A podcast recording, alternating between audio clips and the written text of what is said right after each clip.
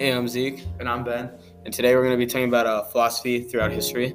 We're going to mainly be focusing on the Athenians, the Renaissance, and the Enlightenment.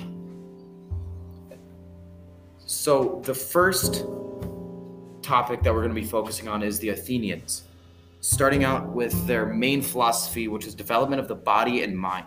Yeah, they mainly focus on uh, humanism, and uh, they express that a lot through their art and uh, education system, and just like they were the first to ask the questions of what does it mean to be human. And uh, during the Renaissance, they they built upon this to really find find the meaning, and they really focused on. Uh, they were really skeptical about what it means to be human. And they asked a lot of questions of themselves, like why things happen. And that really shows what skepticism is, is asking, why does this happen? What causes this? Why are we here? What's our purpose? And They they built upon education even more than the Athenians, and really focused on uh, teaching their youth how to be more human, or and teaching them about values and growth. they also really valued people being themselves and expressing themselves through creation. Like they would create sculptures, create architectures, create uh, different paintings, and create their own ideas.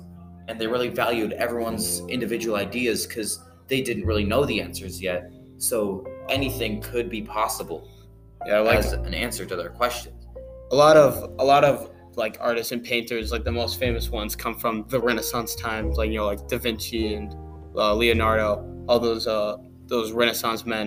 You know, they they really have a standpoint even in uh the present. You know, we use a lot of plays and a lot of writing and a lot of terms from that time, just because there was so much uniqueness that uh, we really built upon, just like what what literature is nowadays. And then we come to the Enlightenment, where philosophy really grew as a concept more than any of the other eras. One of the main philosophers that we're going to talk about is John Locke. Now, John Locke thinks that government is not really needed. He wants to minimize the amount of government we have, and that's because he thinks that people are naturally good. Like from the moment we're born, we're most likely going to be good people unless crazy circumstances occur to us and we really just have messed up things going on around us.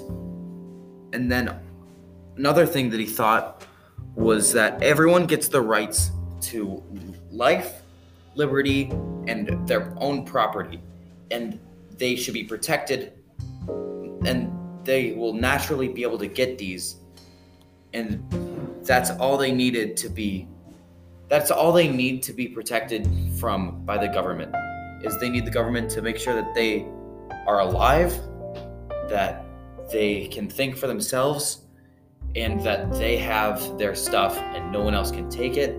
So it's basically just like just like the most obvious laws. He was like you can't steal from people. People can for the most part say anything. And everyone like you can't kill someone or ruin someone's life. And then that's that sourced a lot of where we built america on in the constitution. You can see a lot of remnants of i mean their catchphrase was really the life liberty and the pursuit of happiness which is pretty close to life liberty and property. And uh, there's another philosopher in the Enlightenment, which was Thomas Hobbes, and he had almost the exact opposite ide- ideology.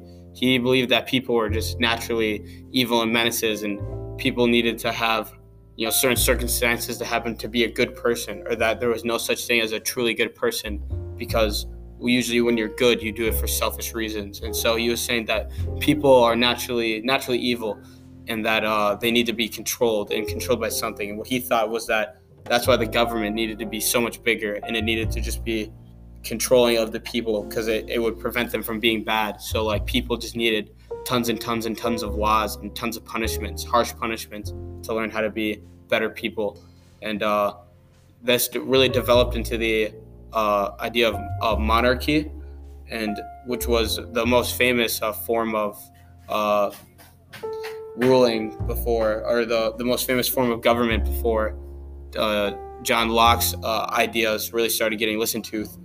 Uh, but uh, most countries uh, developed into monarchies and uh, had one rulers that controlled the people and controlled what people did and what people said, and uh, so it, it really caused a divide throughout lots of countries and lots of peoples in their nations because uh, his idea of monarchy was to to rule and to just control people. And now John Locke's ideology ideology is being more recognized as a good form of government.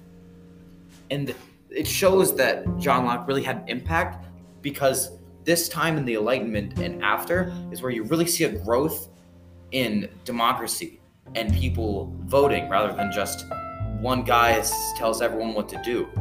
And you see a lot more represented representation of the people, which shows their like higher value of humanism and what it means to be human because they value every single person and what they believe.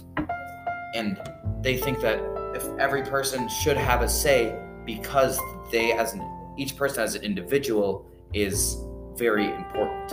And their thought process is different and that every different opinion should be valued because we don't really know what's objectively right because you never know when something else will come up like a new concept or a new theory. Yeah, and um, I feel like nowadays countries more and more, you know, turning to democracy and like, uh, although America was one of the the first major countries to get into it, now like even like Russia is slowly turning more into more democracy than a, a socialism country, and it's just because um, people people are realizing more that like uh, a country runs better when the people when the people have a say and people are able to do the things that they they think are good and be able to get their rights of like their own life and so that's why nowadays like there's no there's almost no absolute or true monarchies. It's all it's almost all democracy or limited monarchy. And so it was just taking that you know Thomas Hobbes is nowadays like people think his his theories are pretty wrong except for one thing that's still agreed upon more is that people are still naturally more bad. And that's a a very huge perspective in different religions is that we all need redemption, but it's not by a government; it's by uh, different things. And so there is there is a still a, a major uh, thought process between whether people are individually good or individually bad, and it's a question that's still trying to be answered. And you know, uh, with the different ideas behind why people are the way that they are, it just shows that John Hobbes or Thomas Hobbes and John Locke are still relevant to this day. And another thing you can really see their their core beliefs being that are so opposite also in the major the major uh, forms of government or what are they called? government. Major forms of government. Major forms of government. No, it's not that. It's Democracy. like republicanism and um, Demo- Democrats, like the two the two parties. Republican Democratic. Republicans and Democrats, you can really see the how one side really believes in more government and one side believes in less, which is almost identical to the difference between Locke and Hobbes. Yeah. Is their beliefs in less and more government being necessary for people to uh, live and live in a fair and equal society. For sure, for sure. Tom, Thomas, and John, their their ideas are definitely still still questions that are trying to be answered and still trying to be solved. Even within you know America, we're still trying to decide whether we want more or less government, or people have as many rights as they should, or you know. But America is getting further and further, and you know, John Locke's like in America, you know, like you said, life, liberty, and the pursuit of happiness, almost identical to what Locke is saying, but you know, uh, Thomas Hobbes, or they also agree the like the justice system, innocent until proven guilty.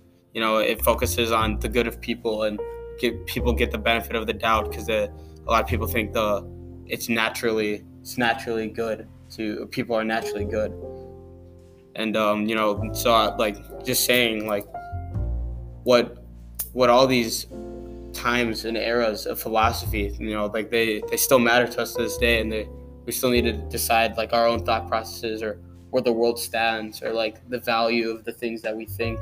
You know like philosophy is still a major not issue but a major thing we we talk about to this A major question throughout Yeah. everyone's lives is Like- what's what's right and what's wrong and like these questions that what is it to be be human things like that it's it's still it's still still questions with no answers that maybe maybe there is no answer at all, and that's why we can't find one. Yeah, because you know a lot of it, a lot of it is just opinion. Whether you think what the government is good or the government is bad, but like that's for that's for each individual to decide. And like maybe you know someday our time will be looked back in the future and they'll look at our our thoughts and our philosophies. So, in conclusion, over what we've learned throughout this entire, so far, year of of Western civilization, And is just that philosophy was very important to people throughout all of history because of their because of the human need to gain knowledge. They want to know about themselves first. So it's really, uh, I think that's why it was such a big impact throughout all of time. yeah, including including the present because you know there's so many different cultures and different religions. Everybody has their their own ideas of why we are, what the world is, what's the meaning of it all. It's just like it's the thing where it's like the question can never be answered, but we'll we'll always look for the answer. You know, it, it's a like a never ending cycle. All Thank right. See ya.